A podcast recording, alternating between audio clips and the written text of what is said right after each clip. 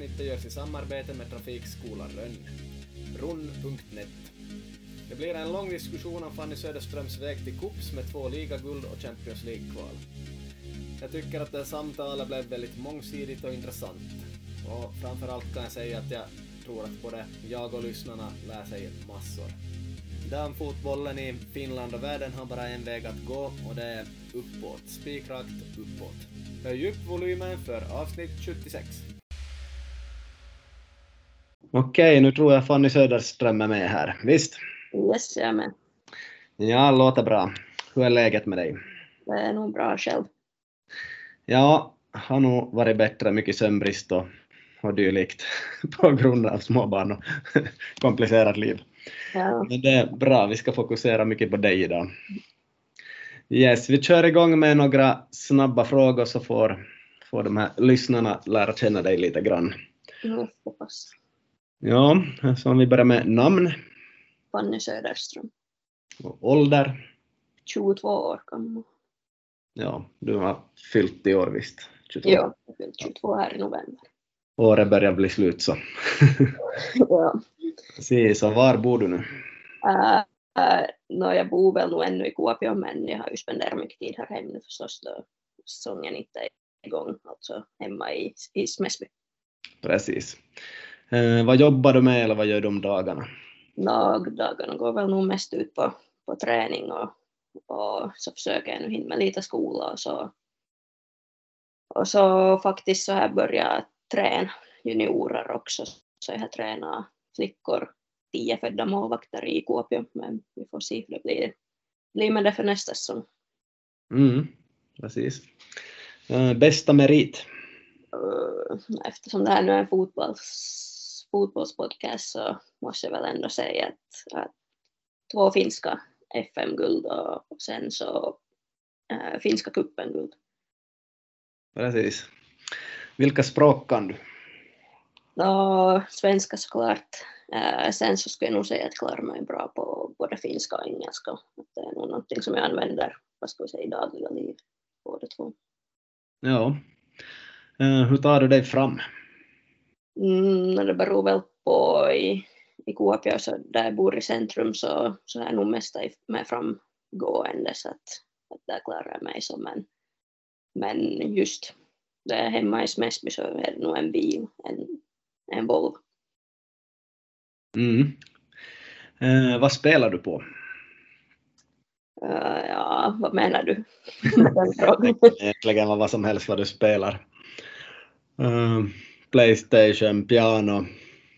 Ja, faktiskt inte speciellt mycket. Att, Det finns ingenting du det är spelar. väldigt lite tid jag sätter på, på spel överlag, någon sorts spel. Precis. När ljuger du? Ja, det är nog mycket sällan. Jag vet inte riktigt om det finns några speciella situationer, men med situationer där man kanske riktigt, riktigt måste så kan det väl kanske vara kan väl Mm. finnas några sådana situationer. Det finns det säkert. När var du lycklig senast? Mm, no, det beror väl kanske på lite vad man, vad man definierar som lycklig. Att det finns väl saker att vara lycklig över varenda dag egentligen. Så måste väl säga säkert idag har jag varit lycklig över något. Till exempel att, att jag åt väldigt god lunch idag.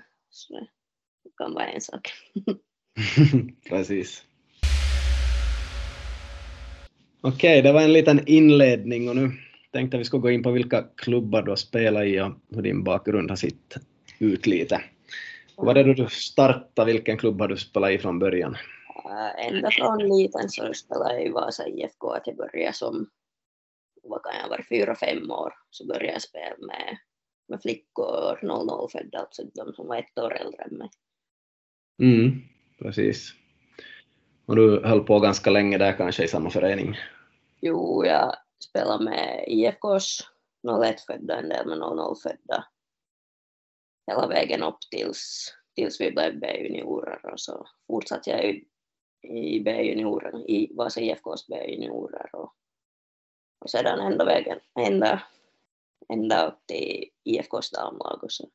Så det var nog många år som gick i IFK, att ända tills jag var, kan jag vara 19, det flyttade vidare till, till Jypk. Mm.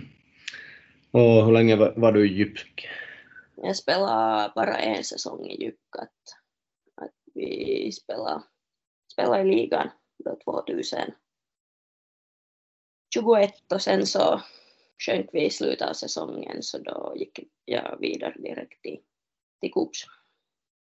Mm. Och då var det där sedan dess? Ja. Ja, precis. Uh, vilka lag har du spelat i av sådana här, vad ska vi säga, regionlag och landslag? Har du koll? Uh, no, förr så hette det väl distriktslag, det heter väl kanske något annat idag, men i, i distriktslaget då för min ålder och så sen vidare till regionlaget. Mm. Och sen har jag spelat i U15-landslaget, U16, U17 och U19 och så nu på slut har jag varit med en del med U23-landslaget. Mm. Ja, precis. Har du fått spela mycket matcher också i de här landslagen? Nej, att det har väl inte blivit speciellt mycket eh, matcher spelade. Att, att vi hade väldigt hård konkurrens i just 01-födda landslaget. Där var både Anna Koivunen och Emma Immonen och Anna Koivunen spelar idag i hon har varit med en hel del med A-landslaget och spelar i damallsvenskan så det är inte någon, inte någon dålig målvakt att konkurrera med om speltiden där så, så jag tror faktiskt inte någon officiell landskamp har ännu. Mm, precis. Ja, äh, i, i vissa åldersgrupper borde man ha, ha lite tur för att få spela om det finns någon riktigt bra, då man är målvakt förstås. Ja, så är det. det är bara så har man otur. en plats som finns. Om man inte första målvakt. Lite på grund av det året man är född bara. Ja, så är det. Så. Ja, precis. Um, om vi ser lite på vad som har hänt, ja no, vi kan säga om landslaget ännu. Ni var, du var också uttagen till Uruguay till det här, vad var det, U17-VM? Ja, ja att dit var jag med. Som, vad ska vi säga, tredje målvakt. Men, men fick ju inte spela där heller. Men, men det var ju förstås en fin upplevelse att det är inte många som får, får uppleva någonting, någonting sånt. Mm. Ja, vi har träffats på någon läger här för en tid sedan så jag, jag känner till en del historier men just ja. för lyssnarna så kan du berätta lite mer hur var det på den där turneringen att komma till ett lag, land som Uruguay och vara på en sån här turnering, hur, hur var allting runt omkring? Ja, det var nog väldigt speciellt att, att allting runt om så var ju väldigt uppstyrt och vi kunde just inte gå ut från hotellet utan säkerhetsvakter och, och alltid om man man gick någonstans så måste man ha med sig någon ledare eller säkerhetsvakt för det var ju som sagt inte säkert det landet. Att det var nog bäst att hålla sig mest på hotellet och själv så personligen så, så blev jag ju sjuk på turneringen och så jag fick spendera en hel, en hel del tid på, på sjukhuset i Uruguay så det var ju väldigt speciellt och, och inte kunde de ju egentligen något språk där heller utan, utan mm. det var spanska. Ja. ja, en speciell upplevelse. Ja. Hur gick det för laget där i VM? Ja, det gick ju inte heller riktigt bra. Att, att faktiskt hade vi ändå förhoppningar med den gruppen vi hade att, att gå vidare från gruppen men, men, men vi förlorade väl två och spelade lika en match så, så vi åkte ut i gruppspel så det var ju en besvikelse då. Mm, ja. Vilka landslag var bäst den gången, kommer du ihåg? Jag tror att Spanien var ju då. Uh, man väldigt, väldigt många från det landslaget, 01-landslaget spelar i, i spanska A-landslaget idag som är kanske ett av absolut bästa landslagen idag. Så mm. Spanien minns jag nog som, som ett väldigt tufft land. Ja, precis. Yes. Om vi ser lite mer på klubbfotbollen då. Finns det några speciella meriter för dina lag eller dig själv inom Vasa IFK som du kommer ihåg? Mm, kanske speciellt minns jag eh, uh, vi tog ett BFM-brons faktiskt. Själv var jag väl kanske jag var C-junior ännu så jag var, var underårig men, men blev upplyft till, till B-juniorlaget och, och jag trodde kanske inte själv att jag, att jag skulle få spela så mycket som jag gjorde och, och det gick ju väldigt bra den säsongen att vi hade ett jättebra lag. Och tog ett BFM-brons då vi vann Ilves tror jag brons, bronsmatchen så, så det var väldigt stort då minns jag. Att, ett bra minne man har. Mm. Ja, absolut. Kommer du ihåg vilka lag som var bäst det året? Uh, PK 35. Mm. var ganska överlägsna det året. Uh, och vi spelade mot dem i semifinalen tror jag, fick väl nog ganska stor stryk. Uh, ja. Men de har väldigt många, eller väldigt många spelare i ligan i år. Nu just då. Och just på den tiden så var de ganska överlägsna överlag i B-juniorernas serie. Mm. Precis. Ja, uh, han du spela i Vasa IFKs damlag också? Jo, nu spelar jag en del nu men inte jättemycket. Att jag hade två jätteskadefyllda säsonger just. Jag spelade kanske två säsonger huvudsak med, med damerna men var väl mest skadad och så hade vi en annan jätteduktig målvakt som vi delade lite på ansvar. Så. Ja. han har inte spelat jättemånga matcher IFKs damlag faktiskt. Ja, vad hade du för skador? Var det några smällar som kom eller var det slitning? Uh, no, både och. Att jag hade en, en värre baklårsskada, en sträckning som inte riktigt ville leka som till sist blev till operation. Och sen så en en sena som gick av i, i bristen så då gick till operation. Så jag hade två operationer under samma år, 2019 tror jag. Så. Mm. Ja. Ja, vägen, vägen till damligan är inte alltid spikrak. Nej, verkligen. Precis. Ja. Um, hur gick det till när du fick din flytt till Jypk? Tog de kontakt eller? jo, deras målvaktstränare så, så tog kontakt med mig och, och frågade om jag ville, ville komma dit och prova. Och, och jag kände väl direkt att jag var där i tre dagar och, fick vara med på träningar och kände väl direkt att det var en plats där jag, där jag skulle kunna utvecklas. Mm. Och beslutet var väl ganska enkelt sist och slutligen att gå dit sen. Ja. Gjorde de några tester på dig något speciellt eller bara sådär allmänt? Någonting? Nej, inte, inte något speciellt att, att jag var där på två träningar och, och efter första träningen sa de redan att, att de ville att jag skulle skriva kontrakt så, så en träning räckte för dem. Mm, precis. Okej, okay, men då flyttade du till Jyväskylä bara helt enkelt? Ja. Ja. Mm, hur ser en sån flytt ut så här allmänt? Jag tänker ju kanske inte så att du får Eh, flera tusen euro i månaden direkt och en bil och en bostad och så här. Hur ser det ut då man som damspelare gör en sån här flytt rent så här tekniskt? Vad fick du för hjälp och vad har du för stöd och skrev du in dig i någon skola där eller hur gick det till? Nej, nej, nej, nej i damfotbollen finns det nog inte sådana pengar att man direkt skulle få någon lön till första ligalaget man går. Att, att jag var nog tvungen att, att eller jag kanske, heter det, att söka till skolan och, kom in till Åbo Akademi i Vasa och gjorde upp en plan med, med studievägledaren där att, att hur jag skulle kunna studera på distans. Och det funkar nog bra där i Jyväskylä. Det är klart att klubben hjälpte mig med att vad ska vi säga, sök bostad men men bostaden fick jag nog, vad ska vi säga, betala själv och, och sånt att inte, inte var det egentligen någonting några nå förmåner hade jag ju kontrakten men inte, inte några stora summor det handlade om att, att det var nog bara att, att leva, vad ska man säga, studerande livet men att, mm. men att träna sidan ja, Precis. I princip är det studiestöd och kanske någon, inte så mycket mer som kommer in lite grann. Ja, studiestöd och bostadsbidrag och, och sånt. Mm, precis. Så måste man prestera något visst antal studiepoäng per månad kanske, eller per år eller något visst. Ja, så är det. För att få stöden. Ja.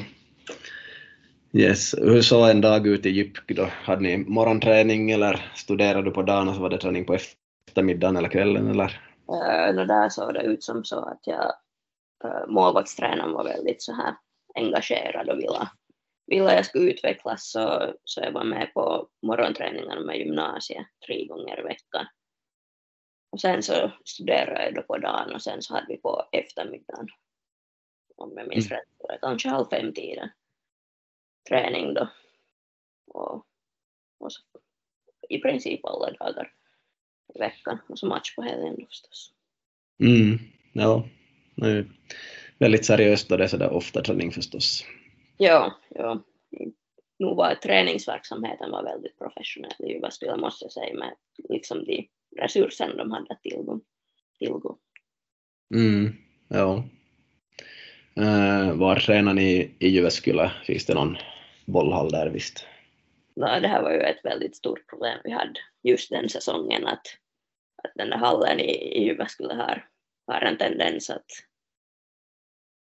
att vad ska vi säga, att falla ihop under vintern så, så i princip så hade vi ingen hall att träna, i under hela vintern utan vi tränade mer eller mindre hela tiden där ute och, och i någon liten sån här källare då vi inte fick träningstid där ute om det var för mycket snö så, så hade vi bara löpträning att påverka vår, vår säsongsinledning väldigt mycket.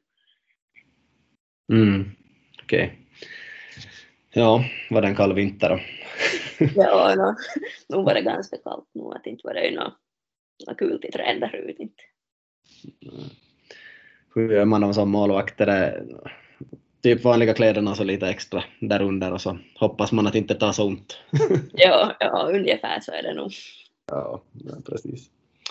Ja, ja, det är nog tufft emellanåt. Ja. På sina sätt med fotis. Ja, intressant. Hur gick det med Jypky det året? Vad placerade ni er på till slut? Eh, uh, no, vi blev sist i serien och vi hade no, början av säsongen så var vi inte ens nära att ta pengar, att vi förlorade matchen ganska stort.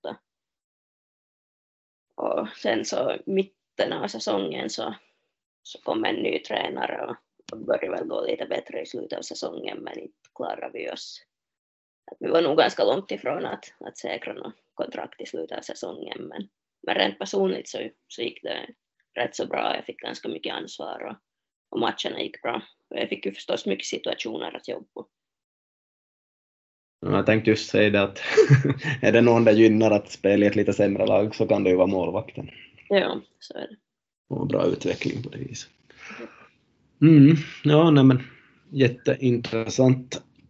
Um, är det något mer kring Djupk som man borde säga ännu? Nej, no, inte. Kul hade vi att vi hade väldigt bra lagsammanhållning den säsongen. Att det låter kanske konstigt att förlora varje match stort och, och ändå ha väldigt roligt men faktiskt så, så hade vi väldigt roligt tillsammans den säsongen. Mm. Uh, på här sidan är det JJK som är Jyväskylä-laget visst och uh, ja. vad var de på för nivå det året och märkte ni något av dem något speciellt att de skulle ha det bättre eller någonting än er eller något speciellt? Märkte du någonting av JJKs herrlag där? Nej, det året så, så spelade de väl i division 2 så, så inte märkte vi nu speciellt mycket av dem att de hade väl ungefär samma förutsättningar som oss vad jag mm. har hört i alla fall. Precis, precis. Förstår. Yes, eh, vi hoppar över till till det här KUPS då, hur gick det, hur hamnade du där, hur gick det till? No, efter säsongen så, så tog KUPS tränare kontakt med mig. Jag var först ganska överraskad att, att ändå från ett lag som faller ur serien, serien så valde mästaren att, att ta kontakt men, men han sa nu själv att det berodde på att jag hade gjort någon kanonmatch mot dem. Att, att där hade han fått upp ögonen och, då de behöver målvakter så, så tog han kontakt och, och jag var där på test i en vecka. Uh, och de ville efter det skrivkontrakt direkt Och, Och jag kände väl där och att, att det var en helt annan, annan miljö där än i Jukka, att var ju ändå van med, vad ska vi säga, ett amatörlag till att mm. gå till en, en mer eller mindre helt professionell klubb så det var ju ganska häftigt eller ganska stor möjlighet helt enkelt. Ja, och som både jag och många andra känner till så finns det ju resurser i, i Coop så de är stenhårda både på dam och herrsidan så det måste ju vara en häftig miljö att komma till. Um, ja, vad ska vi säga, om ni har en trupp på lite på 20 spelare, så hur många är det som sysslar med enbart fotboll egentligen där och har det som sitt jobb så att säga? Uh, no, egentligen nästan alla. Någon studerar lite på sidan om som jag och han nu gjort. Men jag tror nog ingen studerar som på heltid. Att, att jag tror de flesta är professionella förutom sådana här juniorspelare som ännu är i gymnasiet. Att de, de är förstås i gymnasiet men, men spelar och tränar med, med vad heter det, med första laget. Ja. Uh, no, vi kan ju hoppas att om, om vi sitter här om tio år på nytt att det är så här i, i varenda ligaklubb i Finland. ja, det ska man verkligen hoppas att, att det är nog inte många ligaklubbar som har det på det sättet ännu men att, men att HJK satsar nu och, och, och Polen är där rätt så bra så nu kommer det upp, mm. upp klubbar som vill satsa tror jag. Ja, och bara så lyssnarna förstår att de här spelarna jobbar inte på McDonalds och de, de, de, har inga jobb, det är fotbollen som är jobbet, visst? Ja. Jo, så är det. Så är det. Jo, och äh, kul att det finns resurser och allt möjligt i bakgrunden.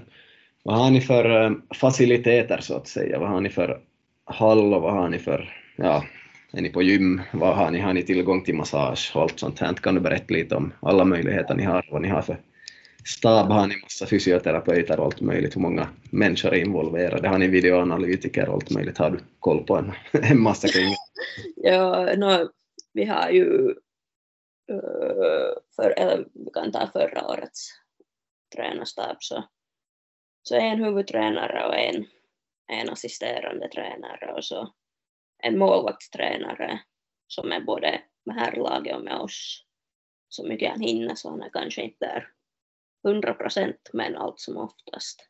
Och så har vi en som en fysio som är på träning varje gång, att han är alltid på plats. Men han har och hand om äh, material, materialet. Ja. Och, sen så på de flesta hemmamatcher har vi en videoanalytiker. Och sen så har vi en joukko, en johtaja, en vad det nu är. Lagledare. Lagledare, ja. Som är på plats på hemma och bortamatcher och ordnar allting runt omkring laget. Mm. Jag har glömt men det var väl ungefär dem. Ja. Det är allt för stor tränarstab om man jämför med med till exempel här, herrligalaget. Mm, ja, precis. Um, vad ser ni av herrligalaget där? no, faktiskt så har vi ändå en del gemensamt med dem att det är klart att vi tränar på samma stadion och, och har omklädningsrummen bredvid varandra och, och så vidare och, och delar nog på en del, vad ska vi säga, resurser ändå sist och slutligen att, att till exempel så tränaren sitter i samma tränarrum och, och diskuterar träningsprogram och, och, taktik och olika hörnvarianter och så vidare så att jag tror vi kanske har mer nytta av, av varandra än vad vi kanske märker själv som, som spelare. Mm, no, det där låter ju som en jättebra idé, det där tror jag nog inte många har, jag aldrig hört om det förr faktiskt. Nej, det var nytt när jag kom dit men att men det verkar funka att det är någonting som de själv anser som en, vad ska vi säga, bra resurs och som en möjlighet. Mm, ja. Ja, jättehäftigt.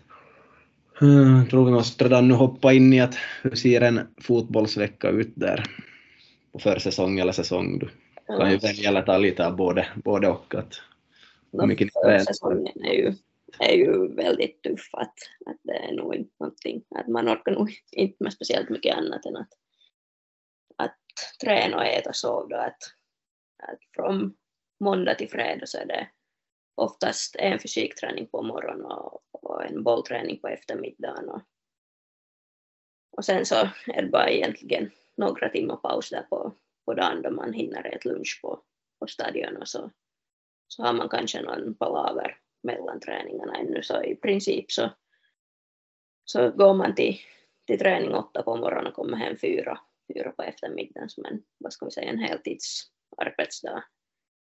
Ja, alltså, ja. låter helt otroligt, även i mina öron. Ja. Sen uh, torsdagarna brukar vi, åtminstone förra säsongen, hade vi ledigt, eller vad ska vi säga, ledigt och ledigt, en egen träning. Att det var oftast någon så här lång aerobisk träning, att till exempel gå ut och gå eller skid i, i två timmar ungefär. Att, Mm. och sen oftast någon träningsmatch då på helgen och sen söndag ledigt. Att Mm. nästan varje dag så är det nog någonting. Och sen lättar det ju förstås mot våren och mot säsongen. Att under säsong så är det, är det nu oftast en träning om dagen. Uh, någon dag kan det vara dubbelträning då, men att de flesta dagar så är det en träning. Mm. Ja. Förstår. Mycket intressant. Um, hur ser en sån vanlig dag ut då när jag stiger upp? Och när äter du, när tränar ni, var är ni då? Är ni i gym? Och ta oss igenom en dag här mellan typ halv sju och fyra eller, eller hur, länge du är igång? Ja, no, oftast stiger jag upp runt, runt halv sju på morgonen och äter frukost. Och, och jag tycker om att, att ta det lite lugnt på morgnarna och så jag brukar dricka kaffe i lugn och ro, ro och, och, och sen gå till gymmet då, där man oftast börjar uppvärmningen på egen hand kvart före åtta. Och sen börjar ledd träning från, från 8 till 9.30 gymträning. Att beror på vilken dag det är, om det är hårdare gym eller, eller mer explosivt gym. Ja. Och sen så efter gymmet så oftast är så, det där? Har ni vikter med ofta? ja, oftast är det nog vikter. Uh, men det finns nog gym, liksom, vi brukar ha ett hårdare gym där. Det är mycket, mycket vikter förstås. Och, sådana saker. Och så ett lite så här mer explosivt gym kallar vi det för att då är det mer hopp och, och sådana där explosiva saker som ska göras snabbare förstås. Eh, och sen ett mer fokus på överkropp och, och core och, och sådana, vad ska vi säga, mer rehab-saker. Att, Ja. att skadeförebyggande. Ja, men ni gör det alltså på försäsongen typ en och en halv timme per dag, fem dagar i veckan, olika sådana här, eller? Ja, tre till fyra gånger i veckan Ja, har vi nog någon sorts fysik, gymträning. ja, okej. Ja, Och sen efter, efter gymmet då så, så har vi oftast en sån sak att man ska göra eller två till tre gånger i veckan en aerobisk träning i 45 minuter. Det kan vara då man, man cyklar 45 minuter eller går på löpband i 45 minuter eller, eller gör crosstrainer 45 minuter eller vad som helst egentligen. mm, precis. Sen så man fortsätter dagen med det att man, man går i duschen och, och går till stadion där vi har lunch serverad. Ja, Eh, ja, och så de flesta dagar då så hinner man kanske inte hem emellan eller det finns kanske bara en timme däremellan så, så man kanske sitter på stadion och, och diskuterar med lagkompisar och kanske dricker en kaffe tillsammans och, och spenderar tid med lagkompisarna helt enkelt. Och, och sen har vi oftast ett videomöte då kvart över tolv ungefär. Och så börjar fotbollsträningen klockan ett. Och så håller vi på till tre och så, Och så efter träningen så tillbaks till, till stadion. På vintern förstås så tränar vi i en hall som är lite utanför Kuopio. Så. så vi måste köra dit. Så man kör tillbaka till stadion och, och går i duschen där. Och, och så kommer man hem ungefär klockan fyra. Mm, ja. Är den där hallen varm? Ja, no, inte nu jättevarm men Hyfsat. men att man kan träna i, i shorts. Där kan man. Precis. Ja, går det bra att ha träningsmatcher där? Finns det läktare och sånt också? Äh, läktare finns inte, men att helt okej. Att ganska lika BO Arena skulle jag säga äh, i Mm. Vasa. Att, Ja, precis. Ja, men överlag är träningsmatcherna kanske på stadion då? mm, jo, no, på vintrarna så brukar vi nog ha i hallen ganska ofta. Men, Ja, ja, okej. Öppnar den där stadion först i typ april, mars? jo, mars tror jag fjol kanske. Ja. Uppvärmt konstgräs antar jag. Jo, Ja, precis. Mm. Ja, superintressant. Sen slutar träningen ungefär vilken tid? ungefär klockan tre. Ja. Och då har ni ännu något smått att göra kanske. Jo, no, nog brukar det ta en stund innan, innan man är hemma efter det. Mm. att man brukar spendera en, en del tid med, med laget efter träningen är ändå, ändå att, att där och så, så går man i duschen vid stadion att, och kanske tar, äta mellanmål tillsammans och sådana saker. Mm. Yes. Ja, superintressant och ultraprofessionellt skulle vara ett ord jag ska använda här enkelt. Det finns eh, supermånga ligalag inom herrfotboll bland annat, speciellt genom åren. Så de har tränat ett morgonpass på morgonen där mellan till exempel 10 och 12 och så är det, det var det. Ja. kan ha tagit två timmar deras jobbdag så är de supernöjda att de, de har korta jobbdagar och sådär. Men att det här är ju väldigt professionellt på många sätt och, och finns nog många klubbar på här sidan och säkert på damsidan också i Sverige som sysslar med det här att långa dagar, som en full arbetsdag ganska ofta och sådär nog, men att allt förstås periodiseras och, och man gör det i olika perioder av säsongen på olika sätt och sådär. Ja, så är det. Men att ja, häftigt. Har du kontrakt nu då för 2024? Nej, det har jag faktiskt inte. Att, Klart det. äh, ännu oklart. Ja, men du tränar där nu då? Mm, jag har varit någon vecka och tränat där nu före jul, ja, men, men nu har jag faktiskt tränat, tränat här i Vasa med, med idrottsgymnasiet och, och faktiskt då med Vasa IFKs damer och med Vasa IFKs B-pojkar. Mm. Okej. Yes, så det är lite öppet än. Ja. Precis. Okej. ehm, lysande och superintressant. Det här var kanske det mest intressanta att ta, du tar oss igenom det här med en fotbollsvecka och en fotbollsdag och så här och olika tider på säsongen. Eh, det som man kanske mer kan läsa i media så det är ju hur det har gått och allt det här. Men att ehm, ni har alltså vunnit ligan 2022 och 2023. Japp. Jag hade nog någon statistik på här vad du har spelat från nätet, vi kan ju se om du håller med. Du hade 14 matcher 2022, Ja. noll gula och noll röda kort. och då spelar du fyra matcher i mästaren liga, men är det alltså det här kvalet i Champions League det då eller? Ja, det är två matcher i spelade då i, i första rundan i Champions League-kvalet och sen så två matcher i andra rundan. Så, Mm.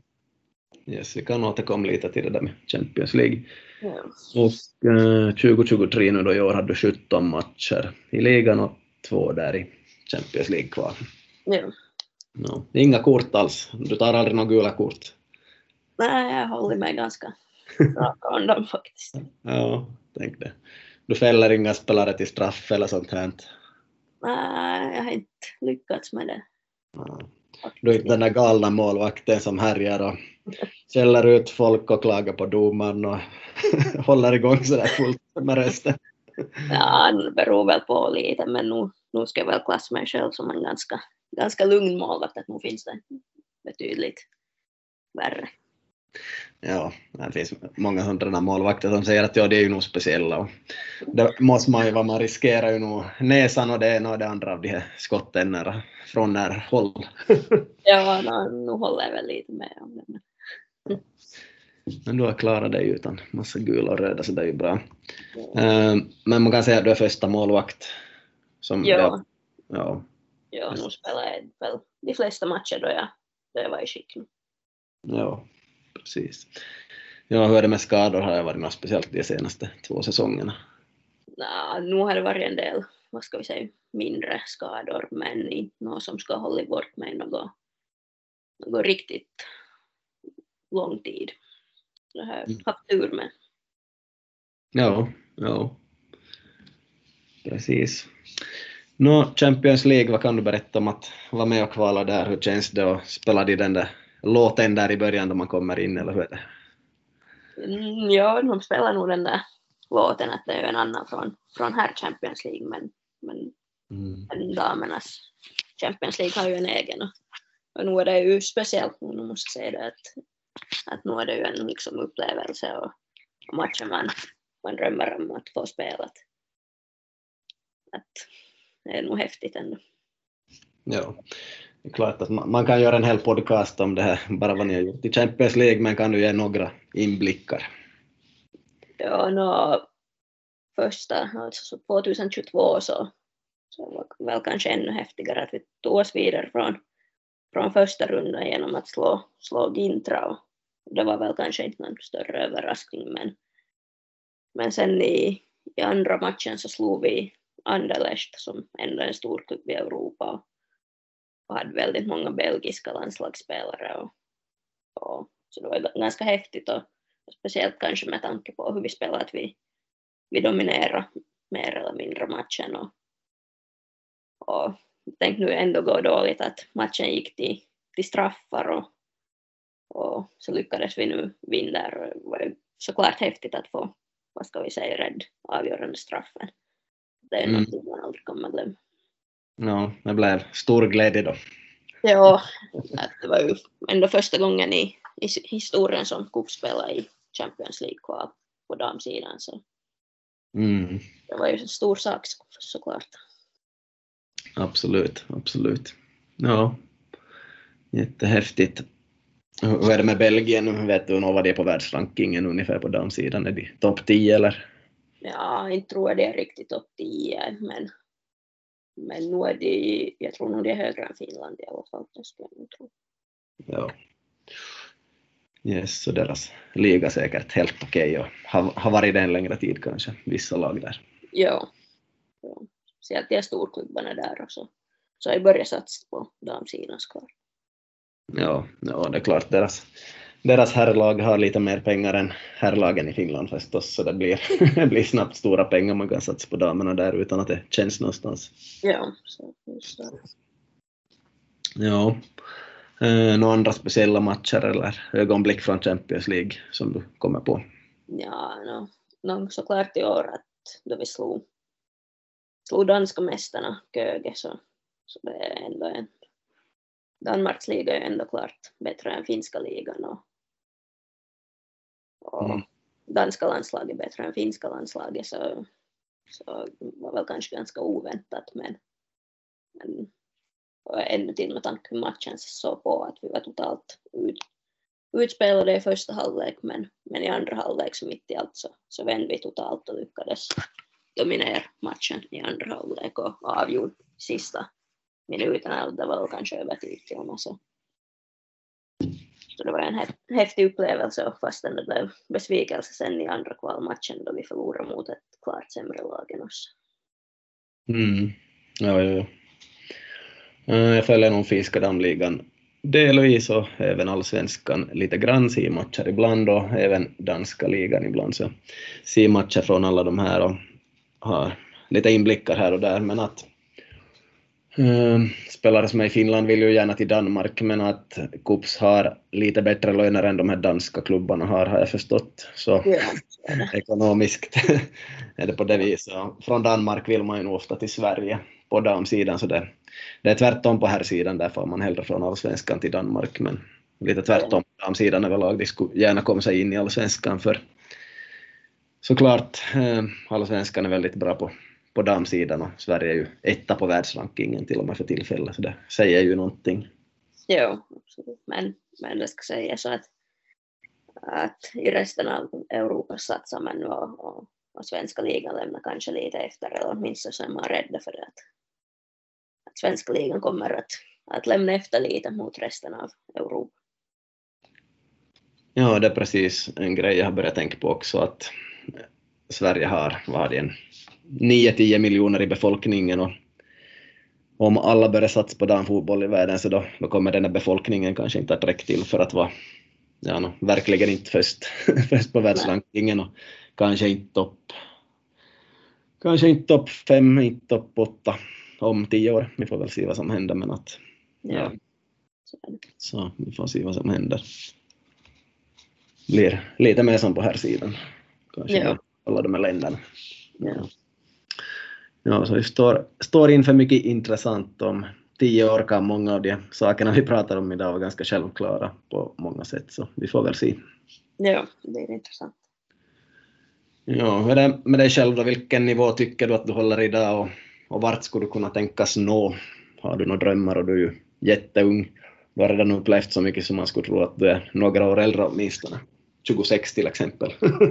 Ja, ja, vad ska vi säga, nu, nu vet jag ju själv att jag håller en, en bra nivå i Finland redan. Att, att ändå att vara med i, i Finlands U23-landslag är ju ett kvitto på att, på att man är, vad ska vi säga, en, en bra målvakt i finska ligan. Att, att det är klart då att få, redan ha fått spela stora matcher så, så betyder en hel del. Men att men nu ska jag tro att tro och hoppas på att jag skulle ha chansen att, att hitta en, en bra klubb i, i utlandet. Det tror jag nog. ja. Um, yes. Jag kan inte ställa vilka frågor som helst för du kan inte svara på dem. Nej, det är lite så, just den här tiden. Vi hoppar till nästa. Vi tar så här att vart skulle du kunna tänkas nå? Du tänker kanske någon liga inom Norden, allsvenskan eller något sånt, eller tänker du mellan Europa skulle vara möjlighet småningom också? Mm, det är klart att liksom äh, finska spelare så, så går oftast till, till någon klubb i, i Norden som första steget. Det är ett väldigt, vad ska vi säga, naturligt steg att ta. Men att eh, nu kan det hända att det finns chanser att, att skulle gå till någon klubb i Mellaneuropa. Att, att jag kan ändå se finska målvakter som jag själv tycker att jag är kanske lika bra som, som har gått just till, till Frankrike eller till Italien och, och sådana här lag. Att, att inte är heller en omöjlighet och det ska sägas så att, att svenska ligan och väldigt svårt att, eller det är inte bara att gå till svenska ligan heller, att, att den håller väldigt hög nivå. Att där ofta så vill de ha ganska erfarna målvakter, att det är sällan en ung målvakt får chansen direkt i svenska ligan heller. Så, så man måste väl se på olika möjligheter. Ja, den där speltiden är ganska viktig och det är inte som en utespelare att nej, vi har så bra anfallare så du kan spela på yttermittfältet istället. Testa där. Nej, Så har du som ytterback, men nej, det är inte samma där. Det är en sån spelare. jo, så är det. Yes, om vi ser så här genom ditt liv lite, att varför, varför tror du att du har utvecklats till en så bra spelare som du är? Mm, no, det är väldigt mycket olika, olika, vad ska vi säga, olika sådana här Faktorer. faktorer, just det ordet, så, som har påverkat såklart, men att, att jag tror själv så har jag haft väldigt så här hög motivation hela tiden, att, att jag har varit väldigt så här målmedveten, att, att jag verkligen de träningar jag har gått till så har jag verkligen gjort 100 procent, att det finns nog inga träningar som, som jag har gjort på 50 procent eller, eller lite ditåt. Att, att om jag går till träning så gör jag alltid träningen så bra jag kan. Att jag tror det är kanske en av största faktorerna. Men sen runt omkring så har jag såklart haft, haft mycket, mycket bra personer som har hjälpt mig framåt och, och så måste jag faktiskt säga att är en faktor som jag tror i dagens målvaktsvärld är väldigt viktigt är att jag spelar på plan väldigt länge. Mm.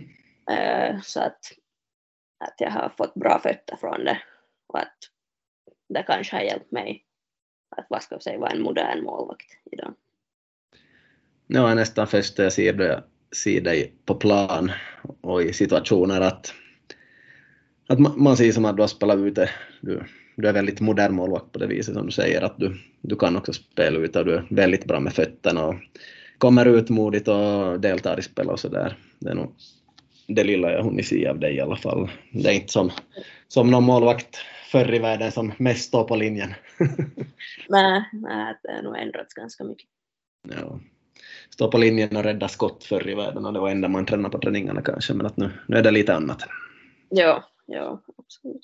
Det är någonting som eller träningen är ju någonting som har gått framåt väldigt mycket i Finland och, och är på en hög nivå måste man säga i Finland, målvaktsträning. Ja, och vi har ju alltid haft bra ishockeymålvakter också från Finland, så, eller det har ju alltid funnits, så kanske man har fått över några idéer till fotisen, jag vet inte. Men... Ja, kan, kan vara. Ja. Precis, och ja, vissa år på målvaktssidan har vi haft jättebra målvakter säkert på damsidan också, men speciellt på här sidan. Antti Niemi, Jussi Jääskeläinen och just nu har vi ju Radecki och, och någon ja. sådär.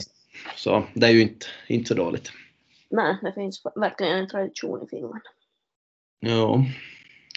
Um, det finns så otroligt mycket att fråga, men vi kan nog ta till nästa. Att, um, hur mycket har ni isolerad träning då det bara är målvakter och hur mycket är ni med laget per träning då det är bollträning ofta? Är det typ no, en tredjedel av träningen ni jobbar tillsammans målvakterna oftast och sen två tredjedelar med lag eller har du någon ja, Jag skulle säga en tredjedel ganska nära verkligheten. Mm. Och förstås en del liksom skild fysikträning och sånt har vi ju. Men att, att på bollträningar så är ungefär en tredjedel. Ja. Värmer ni upp med utespelarna eller har ni egen uppvärmning? Um, oftast så är det nog egen. Ja, precis. Yes, så där, där tror jag absolut att det är viktigt att vara mycket med laget. Så, så skulle man vara två tredjedelar isolerat så är det inte lika bra som om ni är bara en tredjedel isolerat. Nej, det är ju någonting som, som poängteras väldigt mycket nu att, att man ska försöka få målvakterna att vara vad ska vi säga, en del av laget. Och inte som det kanske har varit förr att, att målvakterna är för dem själva. Ja. just då tränaren lär ut taktik så det är ju målvakten en, en av de viktigaste som måste kunna taktiken också för den står ju längst bak och kan styra och ställa. Ja, exakt så är det. Och så där, så. Yes. Um, den dag jag tränar något lite bättre lag, om jag gör det så då kommer jag nog att satsa på att få försöka få målvakterna med på ja, nästan hela träningen med laget. Kanske inte nog riktigt, men att det är nog det som blir mer och mer modernt tror jag, just de tankarna. Ja.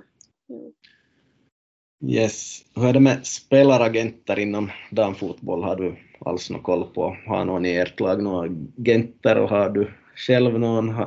Finns det där alls? Uh, uh, no, det finns ju nog och kommer väl mer och mer uh, agenter inom damfotbollen. Men faktiskt i Finland så finns det väldigt få som bland fotbollsagenter. Om det helst finns någon finsk, jag är osäker på det. Um, men, men det är någonting som kommer förstås mer och mer, men nu är det en del i laget som, som redan har agent. Och, och själv så inte har jag någon, vad ska vi säga, officiellt, men jag har, vad ska vi säga, en, en dialog med, med en del. Mm, precis. Ja. ja, det blir ju nog också en, en, kanske en bransch för sig det där också, att börja enskilda agenter bara för dansspelare säkert småningom, om det inte redan är, jag vet inte. Ja, ja. Sekira Musovic och, och resten lär nog ha ganska bra agenter. Ja, jag tror nog ja. Ja, ja men precis. Um, lite mer så här allmän fråga här att no, om vi ser på damfotboll i fin Finland och i andra länder, uh, har du någon tanke kring det här hur vi får lag och spelare att utvecklas bättre i Finland om man kan jämföra med andra länder lite? Har du någon idé där? No, det är ju förstås en väldigt stor fråga eller väldigt att det kanske inte, finns väl ingen enkel lösning men Nej, det finns nog 50 coacher som har suttit och diskuterat det i tre dagar just i Helsingfors, så jag menar att ja. har någon egen liten sån där input då tänkt någonting. men överlag så tror jag att det nog handlar om att, att få spelarna att tro på att, att det går att, att spela som, som profe, professionell och, och att det ska finnas en liksom tanke att hos, hos så många som möjligt i junioråldern att, att de vill bli så bra som möjligt. Och att de vill, vill leva på att spela fotboll så då tror jag, då tror jag vi, vi kan komma ganska långt. Ja, i något skede får de ju tänka att no, kanske då de är 16, 17 eller äldre att det här kan bli mitt yrke. Ja. Att nu i Finland så förstår jag att det är väldigt många som kanske tänker just i 16-17 års åldern att okej, okay, men att man kan ändå kanske inte känna på att, på att spela fotboll i Finland, att kanske jag börjar studera istället eller kanske jag satsar på någonting annat. Att väldigt få kanske ser han den möjligheten sist och slutligen. Ja, ja precis. Men just det där som du sa att man får spelarna att tro på det här, så det är säkert jätteviktigt, förutom allt annat med Ja, finns det ju väldigt mycket man kan fysiska och psykiska och, träning och, träning och i klubbverksamhet. Men. Ja, få, få, få bra träning vad det nu än innebär. Ja, exakt. ja. Nej, jag brukar dra en sån där anekdot att jag träffade en tränare från Turkiet i Helsingfors för kanske 10-15 år sedan som sa att no, ett problem i Finland är att ni har det allt för bra för där han kom ifrån så det var som att antingen jobbar du i en fabrik 8 till 12 timmar per dag, fem dagar i veckan där ingen vill jobba, eller så kanske du satsar på fotboll eller något annat som du är bra på, då satsar du fullt på det för att slippa jobba i den där fabriken. Ja, no, nog kan det ha en sanning i sig. Så det är ju som att här är det som, nåja, gå på universitet, du får bostadsbidrag, du får studiestöd, du kan sommarjobba helt okej okay, så där du klarar dig bra och så Ja. Får du ett jobb, du har inte ansträngt ihjäl dig för att studera och så får du ett jobb och så har du ett jobb som är helt chill och livet i Finland är överlag bra med alla olika skyddsnät vi har inom det sociala och så här. Så det är ju som lite har vi ju det för bra på sätt och vis kanske också. Ja, nu kan det finnas en sån. Så speciellt därför också måste det komma in en del pengar för att göra fotbollen ännu mer attraktiv tror jag. Ja, Yes, vi tar här emellan då en fråga från Instastory hade kommit här och det var en som frågat vem var din idol som ung? Mm, jag måste faktiskt vara Manuel Neuer på den äh, som målvaktsidol men sen så överlag så, så måste jag säga att jag var ett fan av Cristiano Ronaldo. Äh, att Real Madrid var favoritlaget och Ronaldo var favoritspelaren men, men som målvaktsidol har jag alltid haft Manuel Neuer. Ja, någon speciell orsak eller det bara, blev så eller? Mm, något speciellt kanske hans, han var väl kanske en av de första målvakten som, som vad ska vi säga, en riktigt modern målvakt som, som deltog mycket med utanför straffområdet och, och omspel med fötterna såklart. Mm, du kunde känna igen dig lite kanske? Ja, exakt. ja, ja, kul, kul. Är det samma idol idag kanske också eller har det ändrat något? No, delvis, men nu kanske jag kan på ett annat sätt se, vad ska vi säga, till exempel Tinja Riikka Korpela som en idol som, som har spelat länge i finsk, finska landslaget och, och utomlands och, och som vad jag har hört en otrolig förebild i, i landslaget. Att ta med, ta med de här juniorspelarna som lyfts upp i, i landslaget på ett väldigt bra sätt. Att, att ändå någonting som jag kanske idag uppskattar mer, eh, vad ska vi säga, sån här legender inom, inom finsk damfotboll som kanske inte alltid haft det som, så lätt men som ändå har fortsatt, fortsatt att spela och fortsatt kämpa för Mm. damfotbollen i Finland. Ja, de är nog riktiga kämpar många. Det har varit tufft på alla sätt genom deras uppväxt. Ja. Yes, vi har kommit ganska långt i vårt samtal här och har kommit fram jättemycket intressant information. Hoppas att alla lyssnare gillar det här samtalet och tar åt sig någonting av det. Och kanske gäller att ha en stark dröm och sen att, att orka kämpa för, vad säger du Fanny, nu är det ganska tunga vardag du har med så otroligt mycket timmar med fotboll och du faktiskt gör någonting. Det är ju lite som, som att vara någon sån här elitskidare som håller på massor med timmar per dag. Att, hur känns det så här psykiskt? Orkar du alltid? Har du alltid bra motivation att träna och hålla igång varje dag? Mm, no, överlag måste jag nog säga att, att jag har orkat ganska bra, men det är klart att under försäsongen kan det komma dagar då det, då det kanske inte är jättekul att, att stiga upp klockan sju för att, för att fara och träna, men, men sist och slutligen så nog, bara man sen fått gjort träningen så nog, nog, nog är lika roligt då. Ja. Tänker du ibland så där att no, men nu är jag frisk och jag är inte skadad och så här så nu, nu kör jag på, jag hinner ändå vila då jag ligger hemma med feber fyra dagar eller har en skada som tar två månader. Nej, no, det är klart att jag ändå haft så pass mycket skador så att, så att jag har lärt mig att uppskatta de dagar man är, man är frisk och att, att de dagar man har varit skadad så har man ändå varit otroligt ner på grund av att man inte har kunnat träna och man har sett alla andra gör exakt hur man vill själv göra. Så, så nu i, vad ska vi säga, på äldre dagar så har man väl ändå, ändå lärt sig att uppskatta de, dagar man får träna. Ja, så just i den där lilla uppskattningen och tacksamheten för att man är frisk och skadefri så det, det kan ju alltid ge lite extra bränsle. Ja, så är det. Kanske man ser andra i laget som är skadade för nu har ni ju alltid någon som är skadad. Ja, alltid. Alltid är det någon. Ja. För vissa kan det och säkert vara så att okej, en dröm jag vill bli proffs men då de ser vad det innebär så hmm, kanske inte. Ja, no, nu tror jag det finns sådana. Men där kanske du kan ha lite nytta av att du har gått i Vörå idrottsgymnasium också, eller?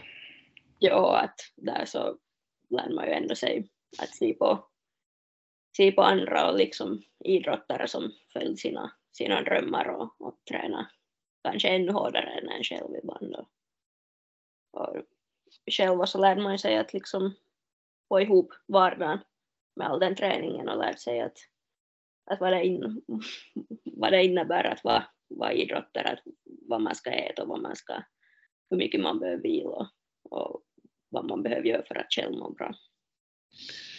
Ja, och du som studerar nu också, visst blir det lite sådär att no, det är just här och nu som jag måste göra det här skolarbetet på två timmar för annars finns det ingen tid för det så då får man det gjort ganska bra. Känner du så också eller blir det att man skjuter upp mycket?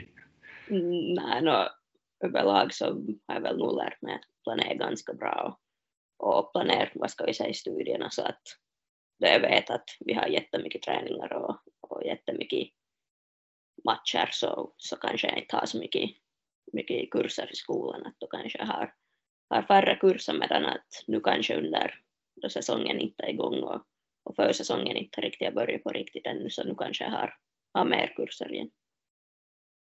Ja, men överlag som fotbollsspelare är nog ganska bra att studera också för de som för, börjar förstå i något skede att det är nu jag måste göra det här och, och gör jag inte det nu så kanske det lämnar. Ja, och så gör man det bara. ja. Yes.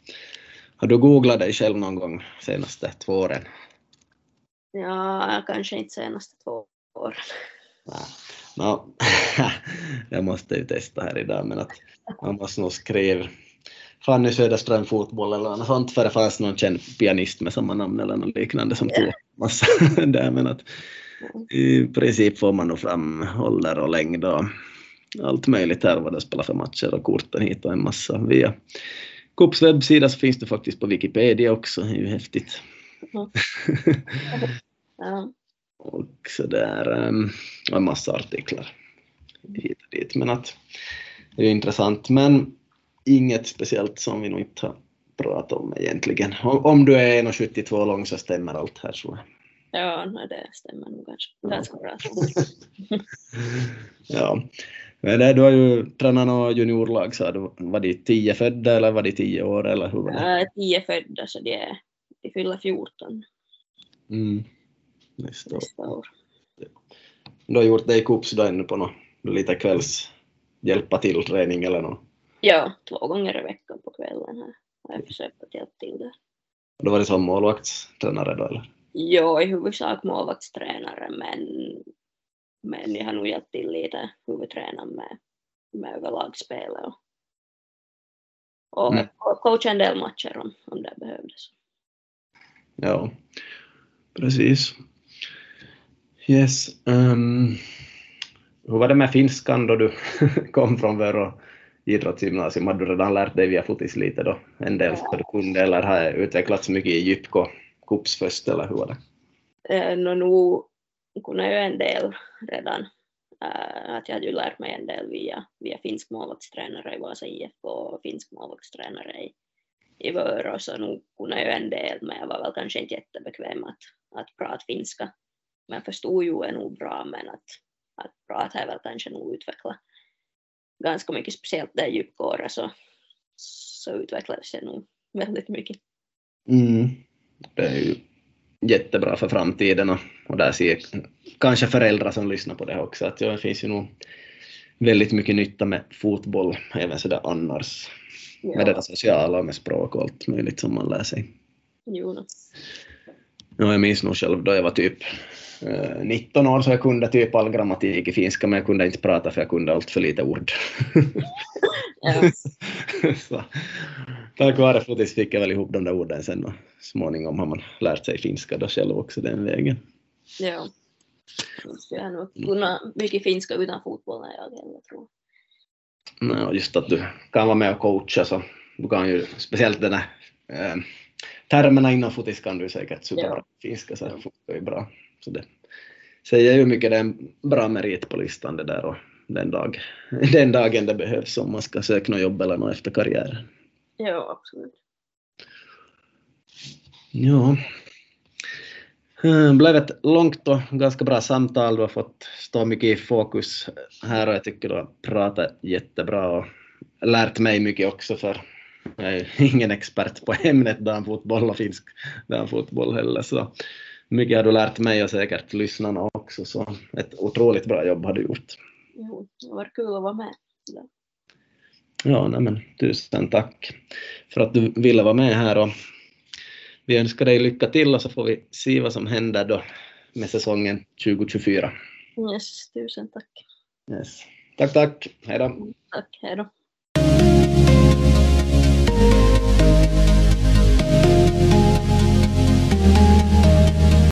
Hoppas ni gillar det här avsnittet med Fanny. Hon var superduktig. Det var första gången hon var med i en podcast. Ehm, jag kollade ännu upp att Kups publiksnitt var 366 per match i år, 2023. Och hela ligan så 311 i damligan.